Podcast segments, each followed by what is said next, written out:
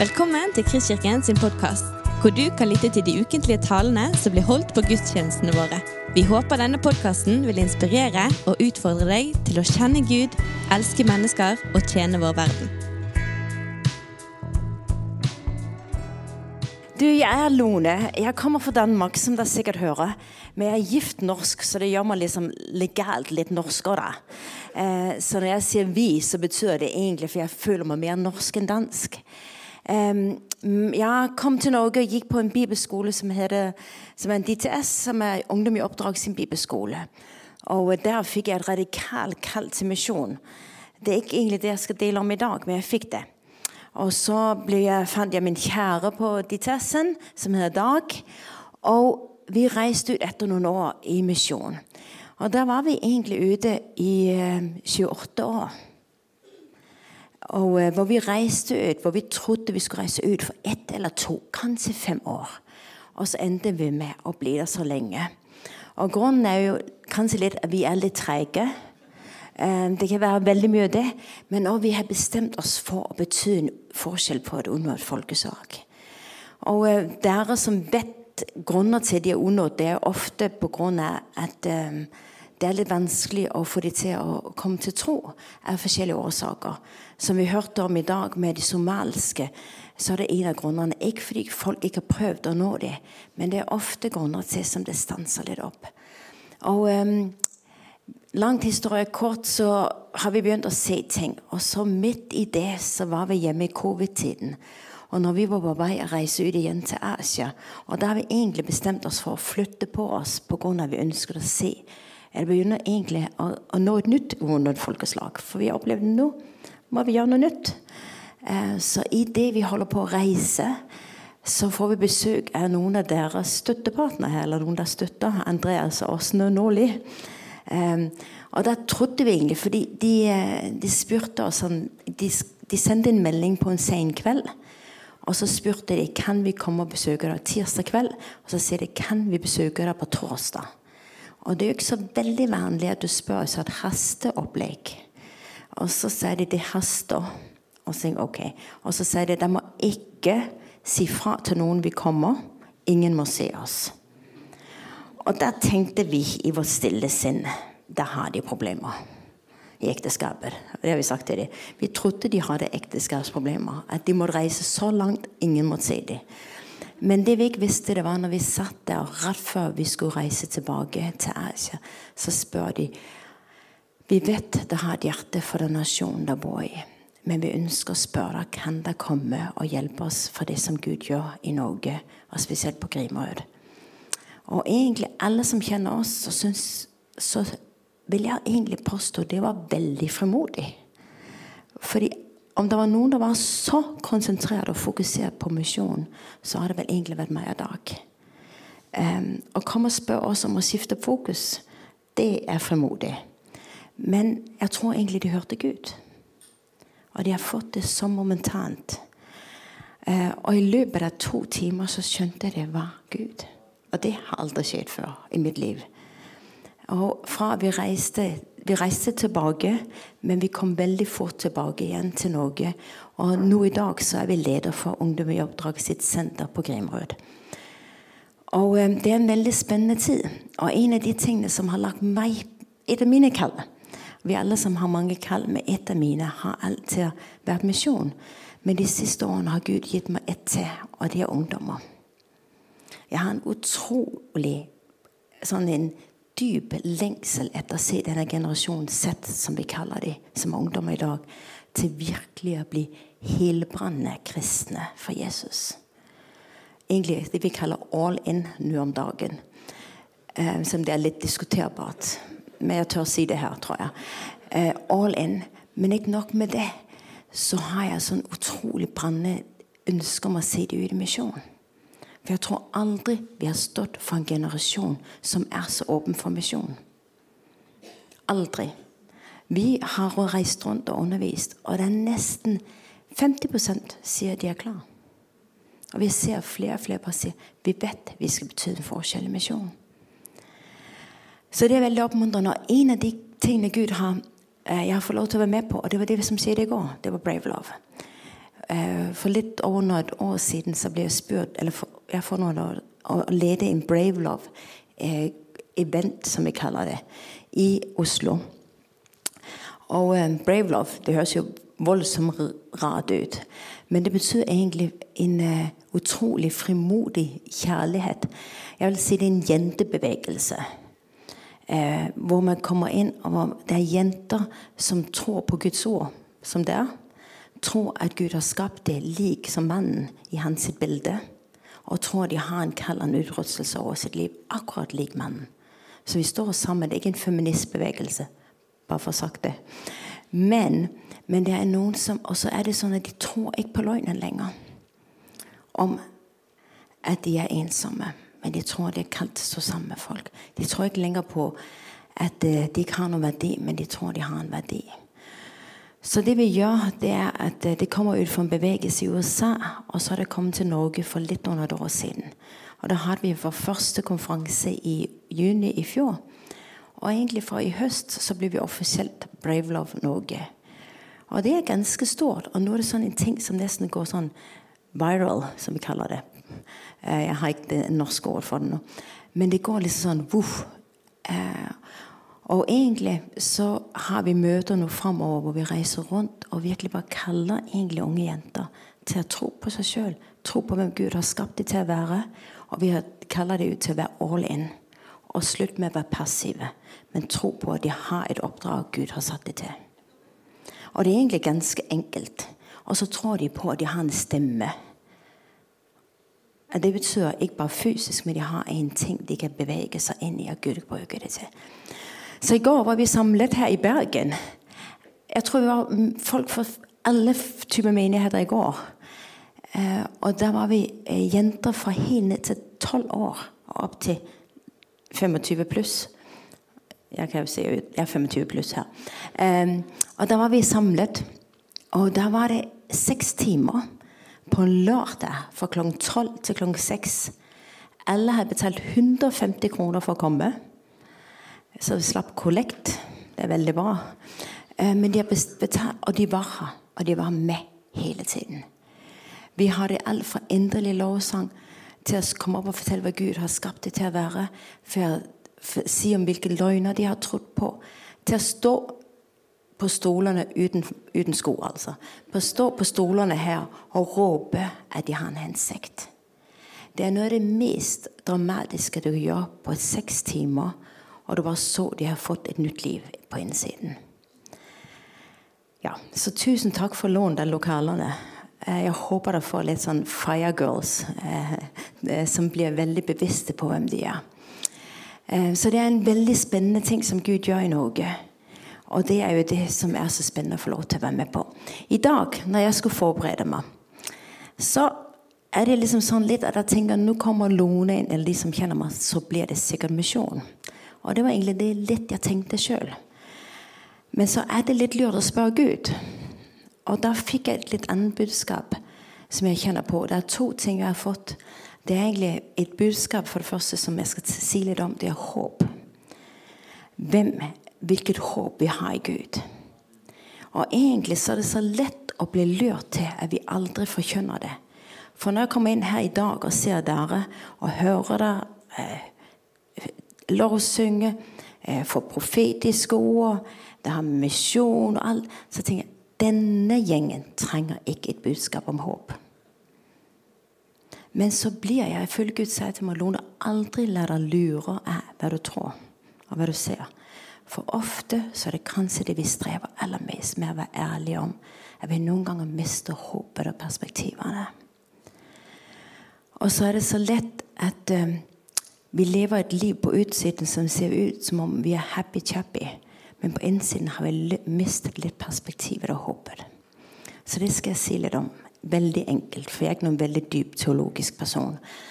Men så skal jeg dele et ord som jeg føler Gud sa til meg på torsdag morgen. For jeg tenkte Gud, du må tale om jeg skal komme her. Og så sa han et ord som er et bilde jeg fikk til menigheten. Så det skal jeg dele først, og så skal jeg tale litt om håp. Er dere klar? Det er bra. Det er en flott menighet. Det er alltid klar for et profetisk år. jeg skjønner. Um, det er ikke så veldig komplisert. Det er nokså enkelt. Og så tror jeg det gjelder noen, kanskje noen få, eller kanskje mange. Men jeg følte Når jeg satt der, så fikk jeg så et helt rart bilde. Gud gir veldig rare bilder noen ganger. Men jeg fikk eh, sånn et opplevelse på et diskotek. Det er sikkert ikke alle har vært der, men jeg har vært der. Eh, men det har i hvert fall sett filmer om det jeg har gjort annet, fra et diskotek hvor det kommer de lyskasterne, de gamle typer lyskasterne, som dere ser når folk danser, så lyser de i periodevis på folk. Når det svinger rundt. Har dere sett det? Har dere vært der? Da vet det når det har vært danse på diskotek, noen av dere. Det er sikkert ikke alle. Jeg har gjort det. Men det er det sånn at lyset kommer på det, og så forsvinner det. Så det lyses rundt på forskjellige mennesker hele tiden. Det er ikke bare én som står med en lyskaster. Og så kjører det rundt. Og jeg føler egentlig at Gud sier eh, Lyskasteren er et bilde på han som kaster sitt lys på menigheten. Og bildet kommer eh, litt for dere i menigheten. Det er at det lyskasteren er egentlig et bilde på Han kaster sitt lys på noen mennesker i menigheten. Um, I bølgevis. Og highlighter noen en dag og noen andre en annen dag.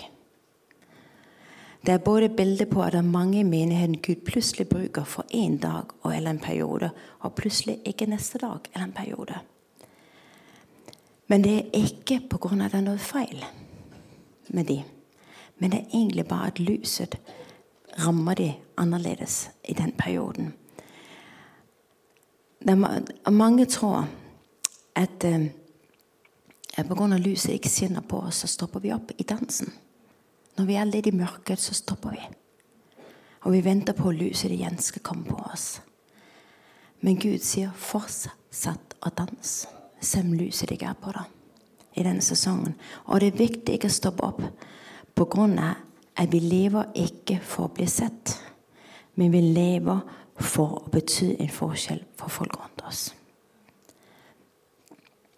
Det andre er at det er også viktig at man danser på gulvet.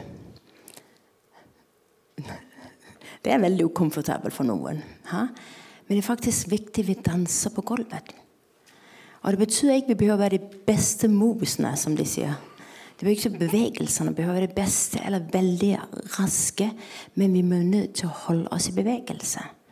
Og det er til dere i menigheten. Alle i menigheten bør holde seg i bevegelse på dansegulvet at dere som menighet og alle medlemmer bør være aktive i dette. Og det er tett Jeg, det var, jeg så det var tettpakket på dansegulvet. Og det, det ble mer og mer trengsel. Men det er faktisk utrolig bra. Men så trengs det å skape rom. Og Noen ganger så har jeg kjent på hvis man har vært på, så blir det så trangt. Du får nesten ikke puste. Så går det greit å sette litt andre til. Og noen ganger så er det lov til å litt andre til som danser litt annerledes. Det er ofte en, en liten trussel for mange av oss. Og så, synes, så, er det viktig hvis man kjenner på at dette blir kjempeutfordrende, så kan man få lov til å gå litt på siden og se dansen fra utsiden. Følg Gud seg. Det er noen ganger utfordrende å se på det som skjer. For meg skjønner sjøl åssen det er. Men så følte han, jeg kjente han seg si til det. Ikke stå, stoppe opp midt på dansegulvet og bare stå der som en stiv stokke. Kom deg vekk fra dansegulvet. Men jeg føler han sier gå da litt vekk, så du får perspektiver. Og se observer fra utsiden. Hm? Så det er faktisk lov, det. Og det kan være det ser annerledes ut enn det du har tenkt. Og det er på mange måter noen ganger akseptere det og omfavne det. Og så tror jeg faktisk det er viktig at eh, vi skaper enda mer rom konstant, så vi kan være flere og flere på dansegulvet. Så noen ganger så kan det være vi holder på noen posisjoner på det her dansegulvet pga. det har jeg alltid gjort, og det er det jeg vet. Men kanskje er det tid for å lov til å slippe andre inn og få lov til å danse sammen med dem. Ja. Nå vet jeg ikke om det gjelder noen i det hele tatt i menigheten, så nå har jeg gitt ord. Og så får jeg la det være der. Men jeg gikk bare til en enkel bønn for det. Hm? For jeg har lyst til å bare Det ord eh, som jeg bare kjente, eller det bildet som jeg kjente jeg fikk så enkelt um, Om det taler til noen um, som kanskje lever der og føler de ikke er blitt sett på en stund, hvor de kjente at et øyeblikk har de vært veldig brukt og sett og velsignet, hvor de nå står på utsiden, så bare ber jeg om at du skal tale til dem om at det er helt ok. Men det med å være i aktivitet er viktig. Om det er noen der trenger å slippe andre inn. Om det er noen der som trenger å gå litt på utsiden for å få et nytt perspektiv. For jeg bare ber om at uh, denne menigheten skal være en som, som danser uh, med alle sine fasetter. Og i alle lyskasterne som kommer. At de skal få lov til å, å lyse ut og stå og være i aktivitet. Uansett om lyset er på dem som menighet eller ikke er på dem. Det er ikke det som er betydningen. Det er betydningen at vi danser for deg. At vi er med i det du gjør. Så jeg bare ber om at eh, du skal virkelig bare gjøre det levende for de som det gjelder, i ditt navn. Amen.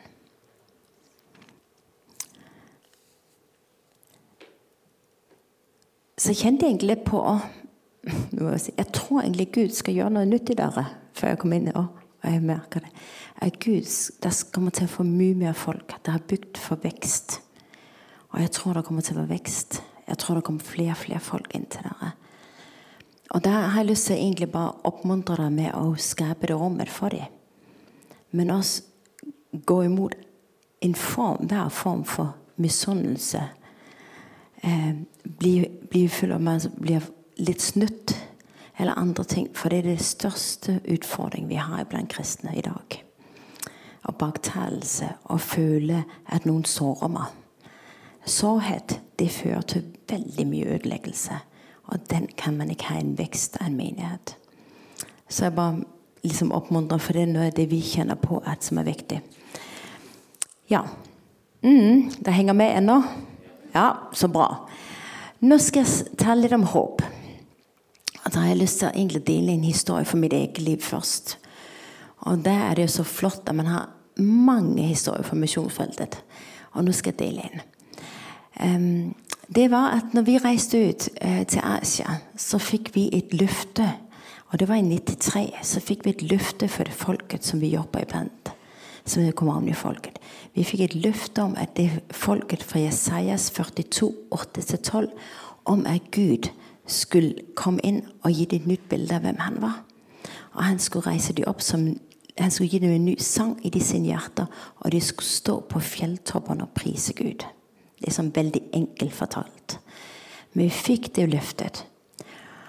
Og eh, Vi gikk i gang med B av forskjellige årsaker. gikk Vi i gang med B. Vi hadde bønnearbeidet for over 20 år før.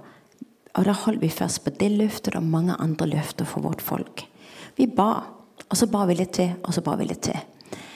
Um, og så, etter 20 år og én måned fra vi fikk det løftet, så så vi den første skikkelig komme gjennom til tro.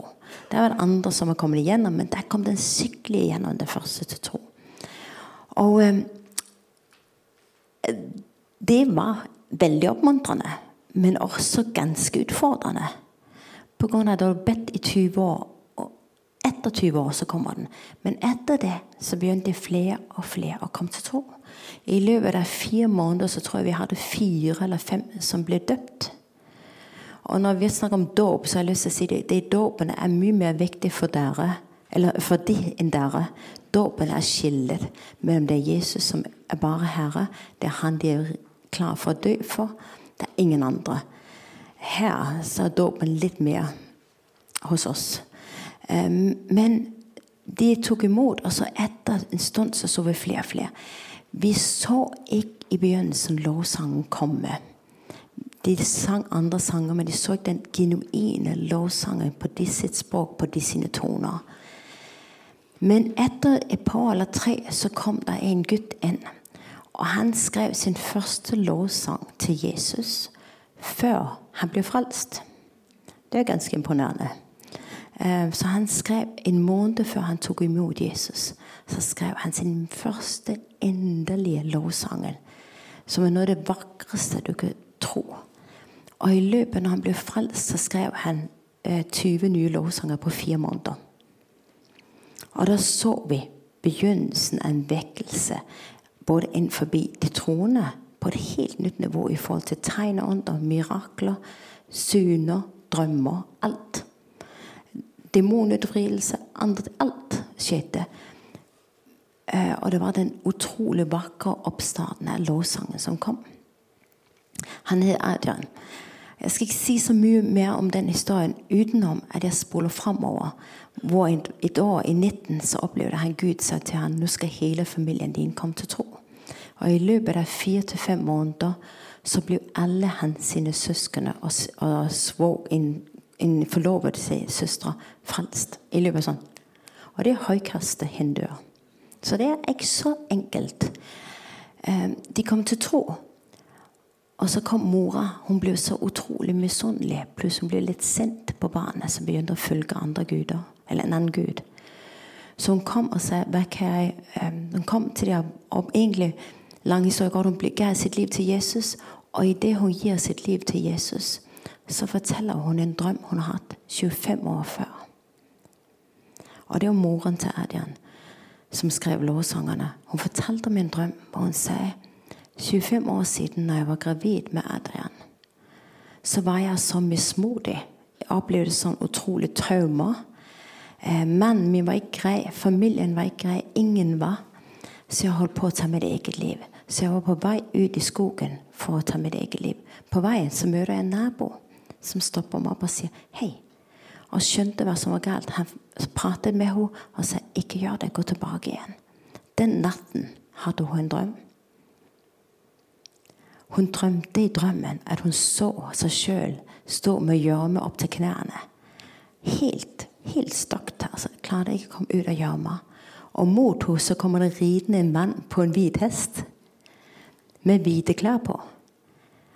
Han kommer ridende ut i gjørma og prøver å ta hånda hennes, og den glipper. Men så snur han rundt igjen på hesten og kommer tilbake. Tar hånda hennes, tar henne opp på den hvite hesten, rir med henne ut igjen og setter henne på tørt grunn. Og så sier han til henne Du, ikke fortvil. Ikke vær motløs, for jeg er med deg alltid. Ikke gi opp håp, for jeg er alltid med deg. Og når hun forteller den historien, så sier han ene gutten som sitter og hører på det selv, finner han fram åpenbaringen. Og hva leser han om? Han leser om Jesus som kommer ridende på den hvite hesten med hvite klær, og hvor han har en krone på hodet. Og så sier hun ja, ja, han hadde en krone på hodet! Og det har hun aldri fortalt. Og det øyeblikket skjønner hun at det er Jesus som 25 år siden hadde reddet henne for å ta sitt eget liv. Alle de 25 årene har hun trodd at det var en gud for landsbyen som har reddet henne. Og det første hun skjønte, det var Jesus. Det er jo litt sterkt. Vi må jo si det. Men Ja, det var det endelig. Men det som er det sterkeste, det er egentlig den. Det sterkeste for min del var at når jeg hørte historien, hva gjorde Gud? Han reddet Adrian som var i magen på mora. Som var et såkorn av en lovsanger som ble reist opp for det folket for en tid som denne. Den dagen han ble reddet, det var akkurat da vi begynte bønnetjenesten for det folket. En måned senere. Og da har vi trodd i alle disse årene at Gud, du har litt problemer med å høre. For nå har vi bedt, og nå har vi bedt, og nå har vi bedt. All den tiden så har vi ikke sett at Gud har operert. For vi så bare med våre fysiske øyne hva vi trodde skulle skje. Men han hadde allerede plantet det frøet, eller han hadde allerede en plan. For det folket skulle reises opp som tilbedende folk. Er det, ikke, det er veldig stort. Men det er ikke stort pga. det er sterkt, men det er egentlig akkurat til deg og meg. For vi blir så lett opptatt av det vi ser i dag, istedenfor å tro på håpets Gud, som egentlig allerede har håp for oss. Så vi skal se litt på det. Og da skjønner dere, da har jeg litt autoritet om å forkynne om håp. Ha? Uff, nå går over tiden her. Jeg må gå veldig kjapt igjennom, sier jeg. I Feserne 1,18 så står det om Gud han sier Jeg ber om at vår Gud, vår Herre Jesus Kristus Gud, Herlighetens Far, må la deg få en ånd som gir visdom og åpenbaring, så dere lærer Gud å kjenne. Må Han gi deg et lys til hjertenes øyne, så dere får innsikt i det håp Han har kalt deg til. Hvor rik og herlig Hans arv er for de hellige. Jeg tror vi lever i en tid som denne, hvor det er så ufattelig viktig for oss å ha øynene festet på Gud. Vi har, kan ikke tillate oss å ha festet dem mot omstendighetene, eller hva vi tror er sannheten. Eh, jeg er ganske sånn nysgjerrig på det. Jeg tror vi, Han er håpets far, og vi må ha vårt blikk festet på han. Og Det står også i Peter, 1. Peter 5,10.: En kort tid må dere lide, men all nådens Gud, som ved Kristus Jesus har kalt deg til sin evige herlighet, han skal utruste deg og gi deg kraft og styrke og stille deg på fast grunn. Så han gir oss egentlig kraft og styrke og trygghet til å holde ut i alle prøvelsene, folkens. Vi fikk det til å stå og holde ut iblant et unødig folkeslag. Det er han mektig til å gjøre for alle oss i hver eneste prøve som vi har. Han gir oss kraft og styrke til å holde ut. Um, og jeg, her kommer nok litt, jeg opplever vi som menighet ofte kan fòre oss med alt det negative som skjer. Krigen i Ukraina, alle profetiske ord vi ser på nyhetene. Og sikkert mange av dere leser konstant profetier om vi lever i den siste tiden. Mye verre ting skal skje. Og det kan være vi gjør det. Jeg har ikke peiling. Men én ting jeg vet, er Gud sier jeg har håpet ditt. Jeg har håpet for Norge. Jeg har håpet for Somalia. Jeg har håpet for Ukraina. Jeg har håpet for alt det som skjer. Blir til, Vi blir nødt til som kristenfolk og på mange måter både vite hva som skjer, ja. Men jeg tror det som er det viktigste for oss, er faktisk å fokusere på Gud. Og ha vår håp i Han. For det er det som på mange måter fyller oss opp med tro for å be. Det er det som fyller oss opp med det håpet hva vi skal være med på. Og eh, jeg tror Jeg opplever noen ganger når jeg går rundt og møter kristne, så er de mange liksom positive. Men, men det er veldig mye motløshet. Fordi åssen skal det gå? Prisene går opp. Og så sier du alle andre ting, men istedenfor så tror jeg Gud kaller oss til å være folk som har håp. Og Det står jo i Bibelen at Gud ga oss ikke en motløshetsånd, men ga oss en kraft, kjærlighet og syndighetsånd. Og jeg tror at Gud ønsker at vi som menigheten skal være det som gir oss en kraft og en kjærlighet, en syndighetsånd. Når han ser på oss og ser, når folk ser på oss, så ser de wow, de er fylt av en kraft og en kjærlighet og en syndighetsånd. Det er jo ikke noe håp hvis de møter deg i naboen og du sier åh, det er jo triste med greia i Ukraina. Det er jo trist at prisene går opp. Vi blir nødt til å være et håpets folk til folk. Vi blir nødt til ikke å gjenspeile det vi ser bare på det fysiske her nede.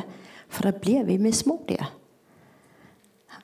Hvis jeg tok det ordet vi, vi trodde på, at Gud skulle skape en lovsang, og jeg så på det som skjedde, da hadde jeg grunn til å bli mismodig. Men jeg valgte å sette min lit til hans løfte om at Gud har en plan. Og det har jeg lyst til å si Gud har en plan. Gud er ikke motløs over Norge eller verden. Det fins ikke.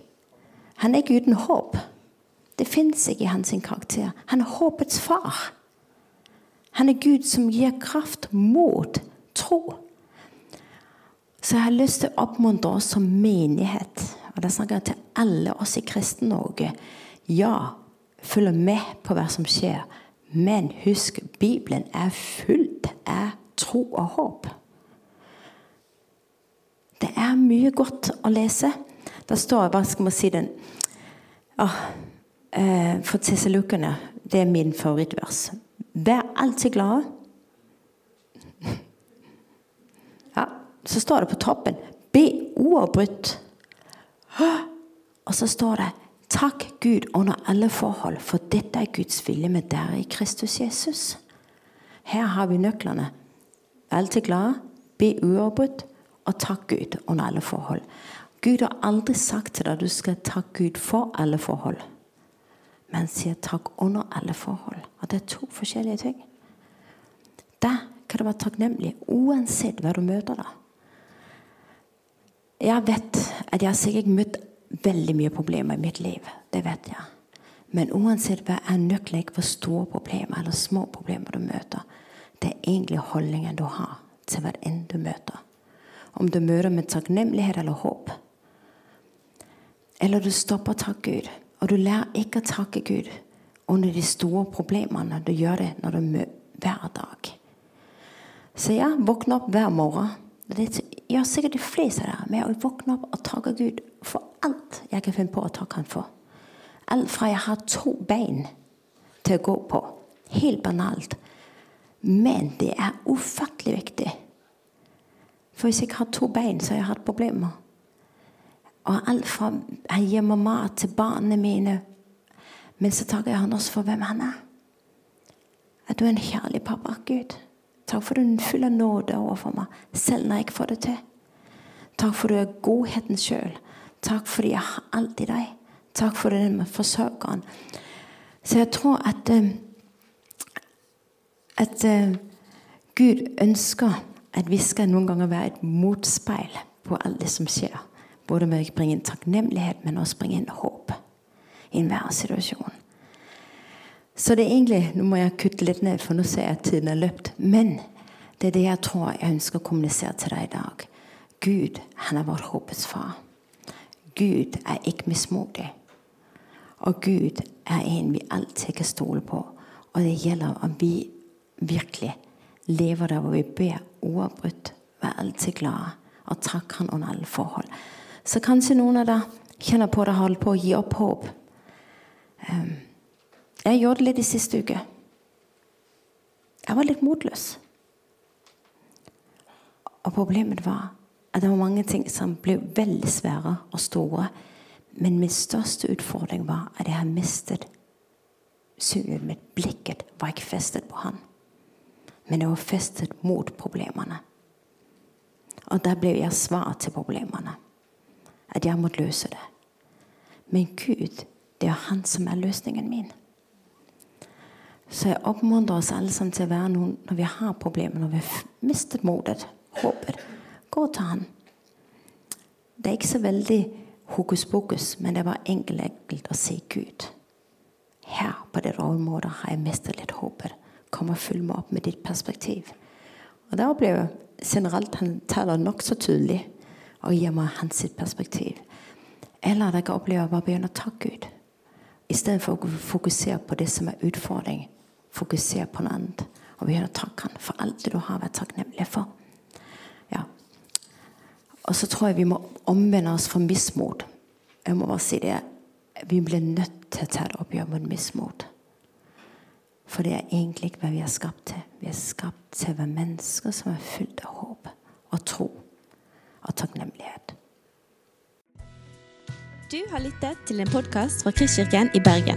Vi håper du har blitt inspirert og utfordret i din vandring med Gud.